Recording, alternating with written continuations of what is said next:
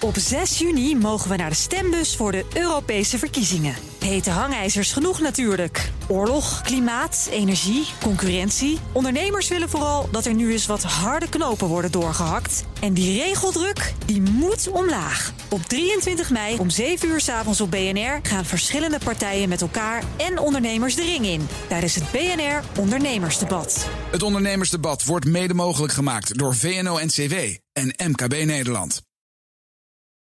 Als er bij ons dingen fout gaan, dan heeft dat over het algemeen grotere consequenties. Zijn er toch levens die erbij betrokken zijn?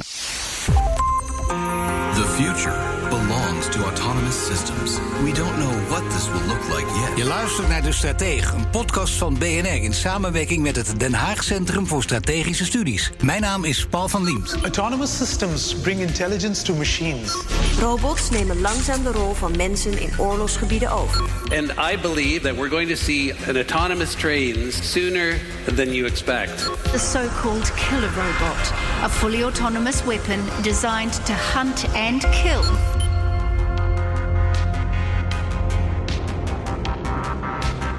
Robotica en autonome systemen, daar heb ik het over in De Strateeg. Waar worden die eigenlijk bedacht en gemaakt? In het kleine Hengelo zit een nogal bijzonder bedrijf. Het gaat Thales in Hengelo voor de wind. En meer dan dat. Het bedrijf lijkt een gouden toekomst tegemoet te gaan. En dat is voor een uh, groot deel te danken aan die internationale spanningen.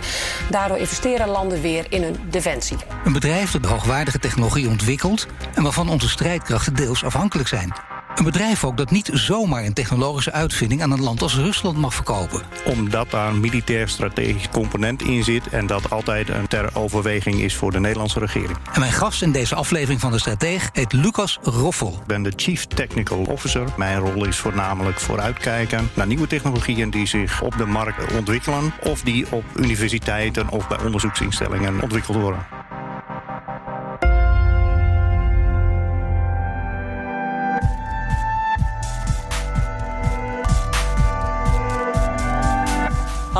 Welcome to Angelo in the Netherlands. Navy Recognition takes you on an exclusive overview of the site where Thales has been designing and producing for nearly 100 years radar systems. Where we basically, for Thales, produce uh, naval radars, also some ground-based radars, and for the defense mission systems lines of Thales, we do system integration and combat management systems for ships, for naval vessels. We zijn met ongeveer 80.000 collega's en we zijn actief in defensie. Maar daar kent iedereen van ons ons van in Nederland eigenlijk wel. Maar we zijn ook uh, voor een belangrijk deel actief in aerospace. Dus uh, we leveren veel toe aan Airbus en aan Boeing. Maar we zijn ook actief in ground transportation. Met name in Nederland bijvoorbeeld de overchipkaart. Maar ook in uh, signaleringssystemen voor treinen. En dat betekent dat we eigenlijk altijd op missiekritische systemen zitten. Dus Zegt u nou, dat is een mooi woord. Hoe noemt u dat? Missiekritisch. Dus op het moment, systemen. Ja, als er bij ons uh, dingen fout gaan, dan heeft dat over het algemeen grotere consequenties dan dat ik in de advertentie een verkeerde kleur t-shirt aangeboden krijg. Nee, dat is inderdaad. Nou, is Meestal zijn er, maar. Uh, zoals ja. bij uh, vliegen, en we doen ook heel veel in bijvoorbeeld air traffic management, zijn er toch levens die erbij betrokken zijn als wij met onze, met onze systemen uh, foute beslissingen Bent u ook betrokken bij, uh, bij de beruchte Boeing 737, de MAX 737? Nee, voor de Boeing 737 doen wij uh, niet in de automatische piloten... wat we overigens wel doen voor Airbus. Waar de meeste spanningen naar uitgaat, en daar kijk je ook met veel spanning naar... dan gaat het toch over de autonome systemen. Maken jullie nu systemen waarvan je kunt zeggen... en als je naar buiten zou moeten brengen... En een miljoen mensen luisteren hier potentieel naar ook. Ja. Hè? Dus u moet op uw woorden Ja, letten. ja, Dit zijn ik. echt autonome systemen? Uh, ik denk dat uh, we dan eerst even naar de definitie van autonome en automatische systemen moeten ah, kijken. Kijk, even naar de professor luisteren. Ja, ja. ja, want uh, een autonoom systeem, dat is best een ingewikkelde definitie. Want er zijn automatische systemen. Wij maken ook automatische systemen. Maar er is altijd een mens betrokken bij het besluiten of we de automaat wel of niet aanzetten. Je ziet dat in. Mag ik uh, even toch onderbreken voor, ja, voor het begrip? Hè? Heel lang geleden ging de discussie eigenlijk al over de atoombom. En dat, uh, ja, maar het gaat erom wie de knop indrukt enigszins vergelijkbaar? Dat, dat, ik bedoel, er is altijd nog een mens voor nodig. Die ja, knop die gaat niet zomaar in werking treden. Nee, maar je krijgt wel een uh, nieuwe uitdaging in de vorm van automatische systemen kunnen iets uh, gaan doen. En wij maken al heel lang een automatisch systeem. Dat heet de goalkeeper. Dat is in feite een laatste verdediging van een schip tegen een binnenkomende raket. Ja. En uh, dat systeem kan eigenlijk geen onderscheid maken tussen een raket of een vliegtuig. Dus als iemand besluit om de knop aan te zetten en er vliegt een vliegtuig langs, zal die ook proberen om dat vliegtuig uit de lucht te halen. Dus je hebt altijd een mens nodig om te besluiten: nee, we zijn nu uh, zo onder dreiging van een raket, we zetten hem aan. Dat, dat is niet besluit, geen autonoom systeem. Dat is geen autonoom systeem, nee. want de mens moet nog steeds besluiten: de dreiging is nu zo groot in de toekomst verwachten wij, en uh, uh, president Poetin heeft al aangekondigd dat hij hypersone uh, raketten heeft.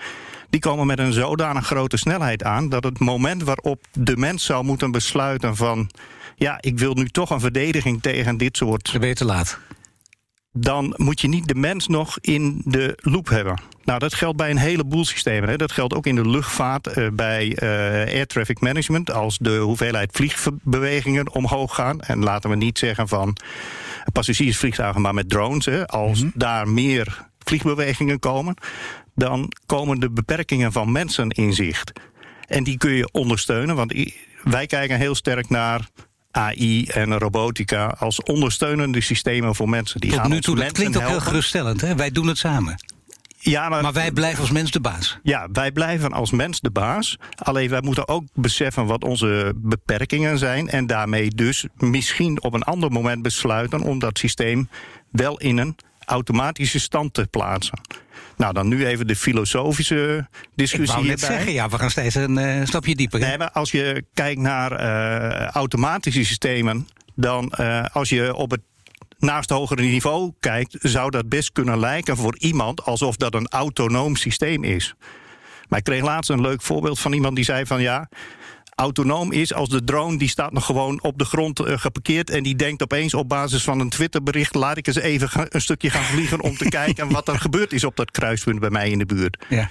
Nou, daar moet je duidelijk uh, van bepalen in welke context staan wij autonome systemen toe. Want een systeem is niets anders dan een, uh, zeg maar een sensor. Iets, je neemt iets waar, nieuwsberichten of een camera. En uh, je verwerkt die gegevens en je besluit daarop een actie te ondernemen. Ja. Maar in welke mate dat autonoom is en ook door mensen gevoeld wordt, zeg maar, als autonoom. Ja, dat wordt heel erg door de context bepaald. Ja, door en er de context, al een heleboel. Dat wordt de context bepaald. Dat heeft ook dat heeft met de hele brede context te maken. Ook met, uh, met, met, welke mensen daar natuurlijk op reageren. De ene is gevoeliger voor dan de ander. Zelfs zo genuanceerd ligt dat ook nog? Ja, zo ligt dat ook nog, ja. En dat zie je ook in de hele ontwikkeling van uh, uh, automatisering in zijn algemeenheid in de maatschappij. Dat uh, sommige mensen nemen dat, ik noemde net al de early adopters, die willen dat uh, graag aannemen. Maar je ziet toch dat bij heel veel mensen er toch weerstand ontstaat als we niet een menselijke interactie uh, hebben. Nou, laten we een voorbeeldje noemen. Treinen, technologie van jullie wordt er ook bij ingezet. Die zelfrijdende treinen in Frankrijk. Komen die heel dicht in de buurt van, van een autonoom systeem? Nou, Volgens de definitie die u net gaf? Dat is ook, uh, ook daarvoor geldt weer uh, de context. Hè. Vroeger zat er een uh, machinist in, of een conducteur die bepaalde van of het veilig was om de treinen te laten rijden. Nou, de moderne treinen hebben zoveel sensoren, die kunnen echt wel bepalen of er nog mensen naar binnen stappen of niet meer en of het veilig is om te vertrekken. Je ziet dus dat dat besluit wordt in autonome treinen nog steeds uh, of nu overgelaten aan de treinen. Maar als je kijkt naar autonoom, rijden ze helemaal autonoom? Nee, ze rijden volgens een vaste dienstregeling. En op het moment dat ze, laten we maar zeggen, buiten de envelop, buiten de regels van hun uh, autonomie komen, stoppen ze. Dus ja. dat kan ook betekenen dat je een uh, mens nodig hebt om die probleemsituatie weer op te lossen. Well, the autonomous car didn't know what to do, so the driver had to take over. It's this type of problem that is going to plague driverless cars for years to come. But fortunately, mass transit isn't nearly so chaotic And I believe and I expect that we're going to see AI enhanced features and autonomous trains sooner than you expect. In fact, I bet that we will see autonomous mass transit before we see driverless cars on the road. Een collega van u, uh, Walter Kinio, die is uh, Vice President Research and Innovation bij Thales. Hij gaat steeds verder, durft zelfs te gokken. Veel eerder autonome elementen in het OV dan in auto's, zegt hij. Uh, ja.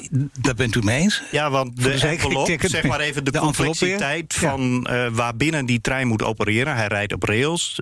doorgaans is dat een goed gereguleerd traffic management systeem. Dus we weten precies wanneer welke trein verondersteld wordt ergens ja. te rijden. We hebben allerlei systemen om te beveiligen. Uh, de blokbeveiliging zoals nu. Ja. In de toekomst ERTMS, waar wij ook een behoorlijke ontwikkeling in uh, doormaken.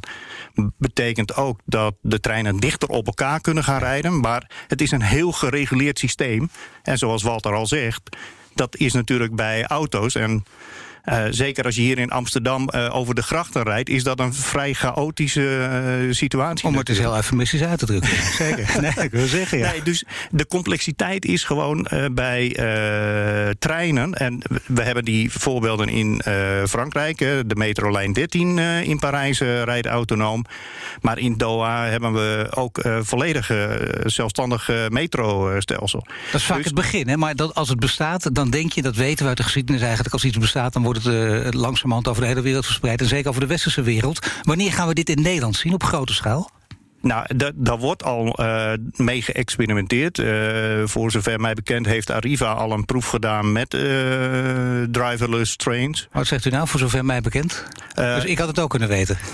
Dat denk ik, ja. Oh, maar, toch? Nee, het is geen interne informatie. Nee, nee, nee, dit is geen interne informatie. Maar het is een heel klein lijntje. We hebben net nou, van, van Walter Kini al gehoord, de vice-president, ja. dat dat inderdaad makkelijker gaat. Logisch ook, hè, vanwege iets minder complexiteit dan, dan op de gracht in Amsterdam bij het openbaar vervoer. Maar over een jaartje of vijf, want u kunt in de toekomst kijken, zei u in het begin. Over een jaartje of vijf gebeurt dit? Ja, ik denk dat we over niet al te lange tijd. Overigens geldt dan wel weer dat je bijvoorbeeld uh, zo'n uh, hoofdlijnennet uh, als in Nederland wel moet voorzien van de juiste signalering ook, om dat mogelijk te maken. Want ook hier geldt weer, veiligheid is een belangrijk aspect van deze systemen. Want er staan mensenlevens op het spel als je je vergist. Maar is het zo dat, ik durf erbij niet te vragen, moet het toch even doen, dat het bijna altijd zo gaat. Ja, er gebeurt een keer een ongeluk. Dat gebeurt ook als uh, de mens in charge is. En dan roept iedereen, zie je wel, dit kan niet. Of uh, moet je daar gewoon rekening mee houden dat dat een keer gebeurt. 100% garantie bestaat niet. Nee, 100% garantie uh, bestaat niet. Maar in dat opzicht brengt u een interessant uh, punt uh, naar voren. Het omdat, tijd, ja, ja, ja, nee, maar dat is heel goed. Want ik heb sterk de indruk dat wij voor autonome systemen nogal veel hogere maatstaven aanleggen dan voor mensen. Omdat we toch van mensen zeggen van, nou ja, met die zelfrijdende auto ja, als die je aanrijdt, dat is een uh, probleem. Maar uh, ja, het gebeurt ook wel eens dat iemand per ongeluk uh, de pui van de bank eruit rijdt... omdat hij op, de, op het gas trapt in plaats van ja. de rem. Ja. Dus uh, ja, daar leggen we soms toch wel een beetje verschillende. En als er wat misgaat met een autonoom systeem, dan zeggen we nou, wij mensen hadden dat beter gedaan. Ja, nou dan moeten we eens kijken naar de automatische piloten. Ze kwamen al even aan de orde. Ja. In de luchtvaart is het zo dat. Uh, 81% van de luchtvaartongevallen in de laatste vijf jaar veroorzaakt zijn door menselijk falen en niet door de automatische systemen. Ik weet wel dat mensen die naar uh, dit soort ongevallen kijken zeggen: ja, maar ook in een heleboel gevallen heeft de mensen eerder ingegrepen, dus is deze situatie niet ontstaan. Wou ik net zeggen, ja. Maar toch zie je dat autonome, automatische systemen in dit geval uh, een veel lagere foutkans hebben dan de. Nee, dat is een belangrijke. Dat is een hele geval. belangrijke. Dat moeten we gaan constateren, ja. Maar uiteindelijk gaan we dus naar een, een stapje verder, hè? van automatisch naar autonoom. Dus ook de automatische piloot, maar er zit geen andere meer naast. Uh, alleen maar met zijn automatische piloot op en neer vliegen. Automatische treinen, automatische auto's. Of autonoom rijdende auto's, autonoom rijdende treinen, neem me niet kwalijk. En wil je in de toekomst wel daar naartoe? Want nogmaals, u kijkt in de toekomst. Nou, wilt u systemen ontwikkelen die autonoom opereren? Nou, misschien eerst nog even naar die uh, piloot. En wij kijken nu uh, heel uh, intensief naar single pilot operation. We hebben tot nog toe altijd twee piloten aan boord van een vliegtuig, omdat je maar nooit weet wat er met die ene kan gebeuren. Uh, wij denken dat toch op afzienbare termijn, en dan praten we over vijf tot tien jaar, de eerste vliegtuigen met maar een single pilot uh, aan boord zullen kunnen vliegen. Dus dat is volledig autonoom. Dan zit er geen mens meer naast. Dan zit er nog steeds een mens naast. Ja, kijk, nee.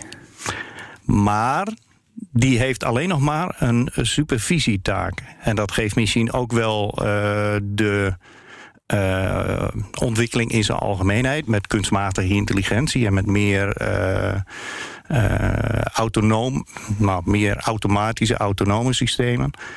Um, die ontwikkeling betekent dat de mens steeds minder zelf de actie zal hoeven ondernemen, maar wel nog steeds die supervisieverantwoordelijkheid houdt. Het duurt, zegt u, nog een jaar of vijf à tien. Je kunt natuurlijk nooit helemaal voorspellen, dat snap ik. Maar eh, binnen afzienbare tijd voor dit gaat gebeuren. Deze stap wordt genomen. Als het alleen om de technologie gaat, hebben jullie technologie in huis om veel meer uh, autonome, autonome systemen te ontwikkelen? Ja, we zouden best wel uh, wat autonome, alhoewel uh, de complexiteit van de omgeving. We hadden het net al even zelfrijdende auto's versus zelfrijdende treinen. Maar als je kijkt naar het treinendomein, daar zijn we al zover, ook met uh, waarnemingssystemen, dat we die treinen echt wel autonoom kunnen laten rijden. De trein aan zich autonoom. En ook voldoende veiligheid kunnen waarborgen en voldoende veiligheid kunnen waarborgen. Maar uh, wat je daar wel ziet is dat we door uh, het ontwikkelen van uh, deze systemen en ook het leren van deze systemen ze steeds voorzichtiger worden. En uh, misschien zijn er wel uh, Tesla-rijders onder de uh, luisteraars. Ik weet wel zeker, ja die uh, zullen ook merken dat hun autopilot in de Tesla ook wel een beetje voorzichtiger is geworden in de loop der jaren. Dus uh, dat is een hele interessante ontwikkeling om te kijken van dat zelflerende effect. In hoeverre gaat dat betekenen dat autonome systemen steeds voorzichtiger gaan uh, reageren. Dat is inderdaad even afwachten. Maar uh, dat voorbeeld van Tesla geeft al iets aan natuurlijk. Daar kijken jullie ja. ook scherp naar. Maar jullie hebben dus al veel in huis. Je hebt veel technologie in huis om autonome systemen te bouwen. Uh, stel dat, dat een belangrijk deel van die technologie heel veel geld waard is. En bijvoorbeeld verkocht kan worden aan een land als Rusland. Kan dat? Kunnen jullie dat als je dat zou willen? Zou je dat zomaar kunnen doen? Of zit er altijd de Nederlandse overheid tussen?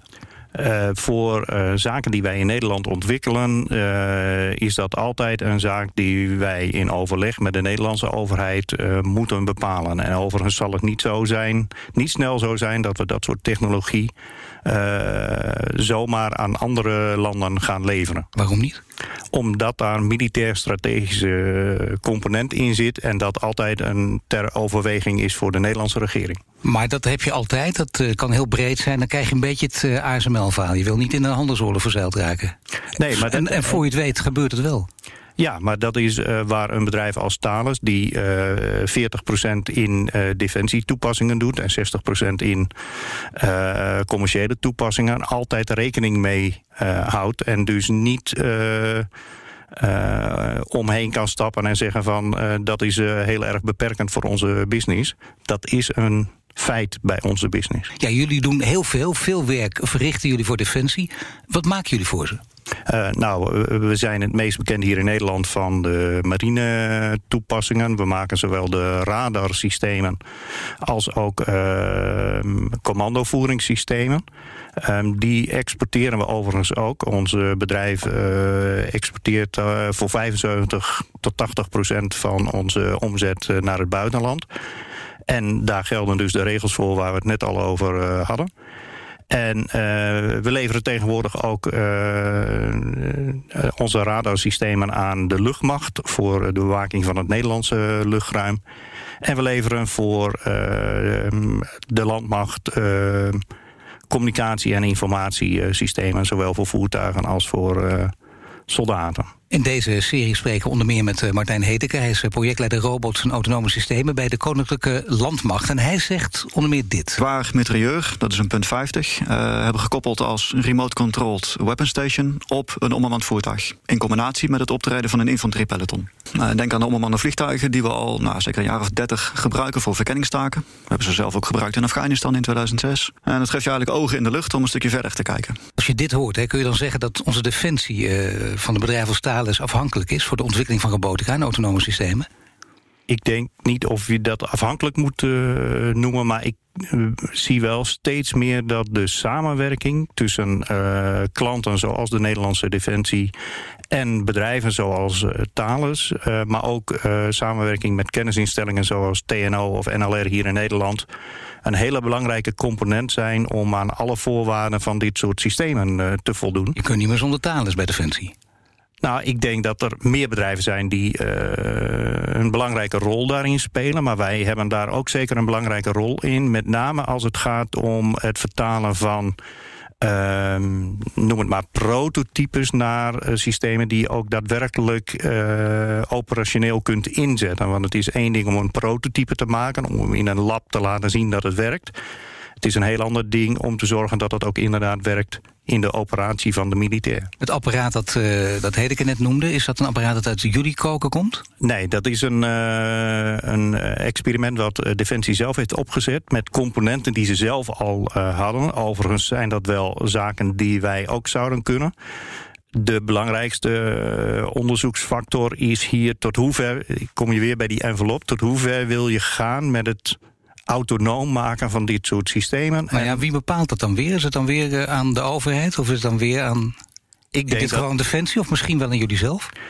Ik denk dat wij hebben daar een uh, eigen charter voor opgezet om uh, daarbij altijd de mens in de loop te houden voor wat betreft de beslissing. Een charter voor de, voor de ontwikkeling van autonome systemen? Ja, binnen Thales, omdat de ontwikkeling van wet en regelgeving voor ons eigenlijk te langzaam gaat. En wij een duidelijk standpunt willen innemen over wat we wel en wat we niet doen. Ja, het lijkt me heel verstandig, maar is dat eigenlijk niet heel vreemd dat jullie zelf zo'n charter hebben moeten oprichten waar je dus de grenzen, de, de, de waarden normen probeert aan te geven, de grenzen probeert aan te geven en de overheid blijft achter. Ja, maar dat, dat heeft toch te maken met dat dit een uh, domein is wat zodanig gevoelig is dat wil je daar internationale consensus over bereiken. En ja, sommige mensen zijn in dat opzicht wat naïef van uh, iedereen heeft dezelfde normen en waarden als die wij in West-Europa hebben. Nee, maar dat weten we inmiddels wel. Ja, daar zijn we inmiddels natuurlijk wel achter. Ja. En dat betekent dat je ook in dit soort gevallen toch uh, regel en wetgeving ziet achterlopen bij ontwikkelingen in de maatschappij. En dat wij eraan hechten om daar een duidelijk standpunt in in te nemen. Wat we wel en wat we vooral niet doen. We zijn een Europees bedrijf, dus wij willen ook wel graag dat het Europees geregeld wordt. En niet dat we land voor land uh, dat soort zaken uh, moeten regelen. Nee, dus maar we zien hoe het lastig het is, Europese regelgeving. Daar hebben we iets, als het dan toch gaat over iets dat lang duurt en moeite kost. Ja, maar je ziet nu wel op het gebied van AI zeker ook de Europese Unie uh, snelheid maken. Ze hebben net een whitepaper gepubliceerd. Dus je ziet wel dat dat de digitale transformatie in zijn algemeenheid, maar AI zeker, een belangrijke speerpunt is. Het punt is alleen een beetje dat we wel een beetje laat zijn. Want we hebben uh, een van onze research centers op het gebied van AI zit in Canada. En Canada heeft in 2013 al een strategisch actieplan voor het ontwikkelen van AI. En dat betekent dus ook dat ze ook heel veel grote bedrijven, zoals Google en Microsoft, inmiddels naar Montreal hebben getrokken. Dus, Ze staan op een bijna onoverkomelijke achterstand in Europa. Nou, we moeten wel heel veel vaart maken. We hebben wel heel 2013, veel... het is nu 2020, hè? bedoel, we lopen zeven jaar achter. Ja, nou ja, als je kijkt naar de hoeveelheid uh, patenten bijvoorbeeld... die gefaald worden in de wereld op het gebied van AI... dan wordt bijna 80% gefaald door China. En dan nog eens, ik ja. geloof, 18% door Amerika. Nou ja, de rest van de wereld, daar horen wij dan ook bij. Oei, dus, oei, oei. Zijn de, de, uh, dat, dat zijn echt enorme aantallen. Maar dat China naar verhouding dus zo groot is, dat vind ik ook een hele grote. Amerika kleintje, maar ook weer, en wij zijn, doen gewoon niet mee. Nee, wij, wij lopen daar. Uh, en nou, dat kan ook uh, met onze cultuur van. Uh, en je moet bij dit soort patenten altijd afvragen in hoeverre ze stand houden. Maar het geeft wel een intentie aan. En ik wat, denk wat, dat, wat, wat kan dit voor ons betekenen?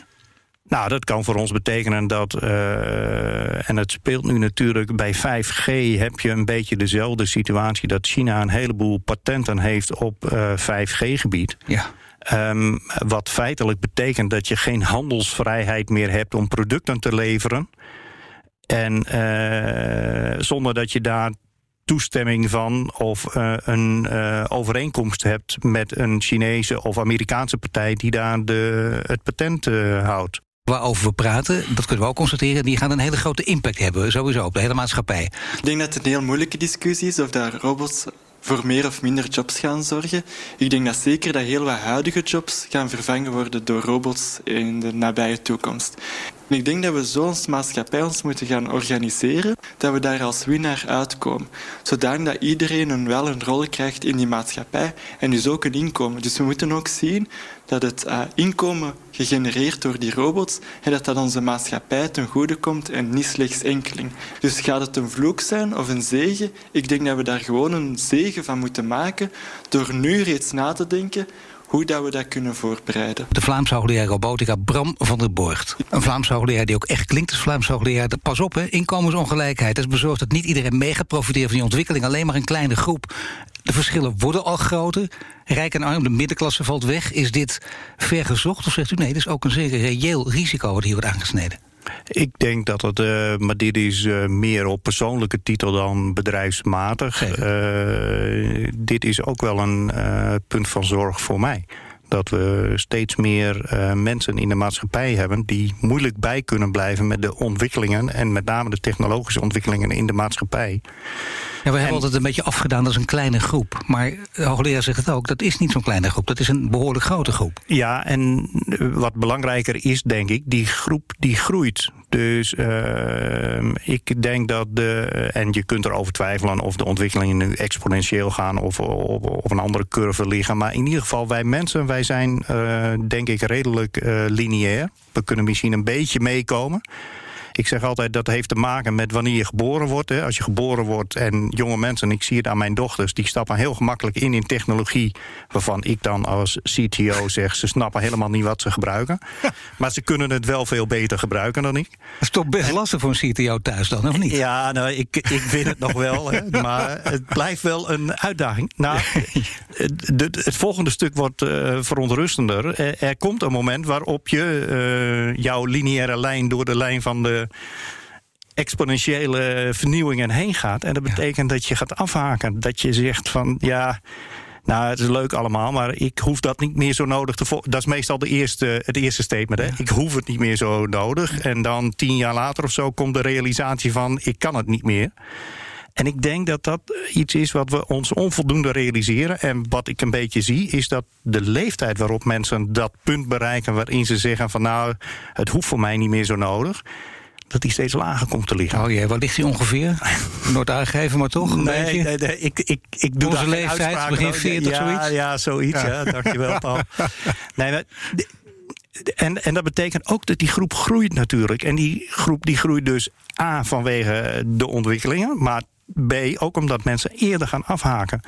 Dus ik denk dat we daar eh, wel degelijk heel erg als maatschappij ook naar moeten gaan kijken. Van, eh, want, want je zult steeds meer zien dat uh, functies meer supervisie worden dan uh, daadwerkelijk het werk doen.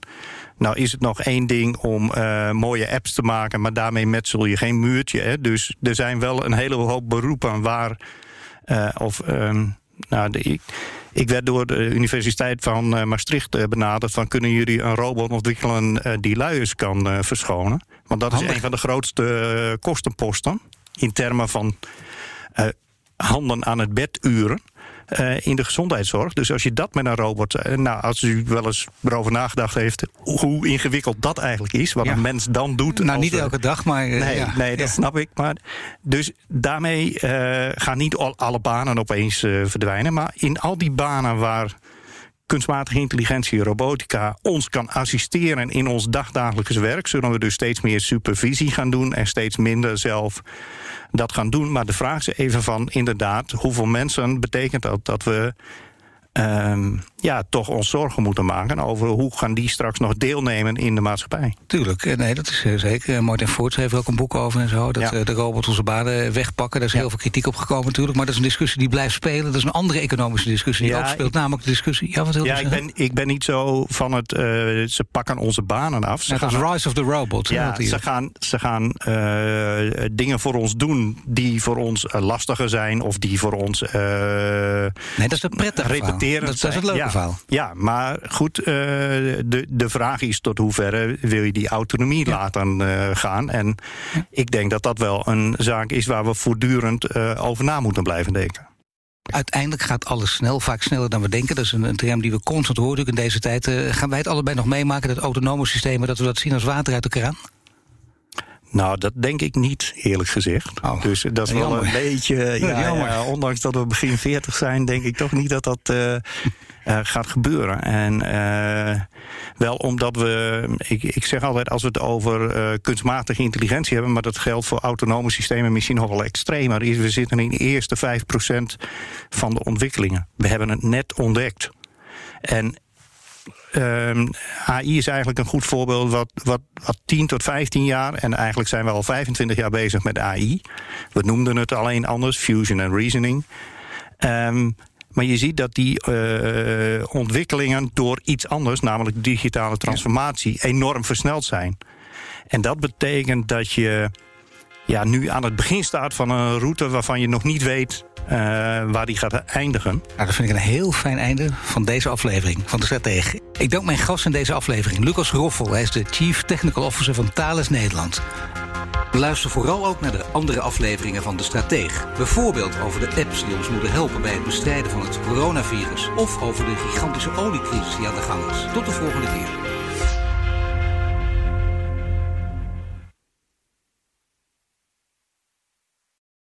Op 6 juni mogen we naar de stembus voor de Europese verkiezingen. Hete hangijzers genoeg natuurlijk. Oorlog, klimaat, energie, concurrentie. Ondernemers willen vooral dat er nu eens wat harde knopen worden doorgehakt. En die regeldruk, die moet omlaag. Op 23 mei om 7 uur s avonds op BNR gaan verschillende partijen met elkaar en ondernemers de ring in. Tijdens het BNR Ondernemersdebat. Het Ondernemersdebat wordt mede mogelijk gemaakt door VNO-NCW en MKB Nederland.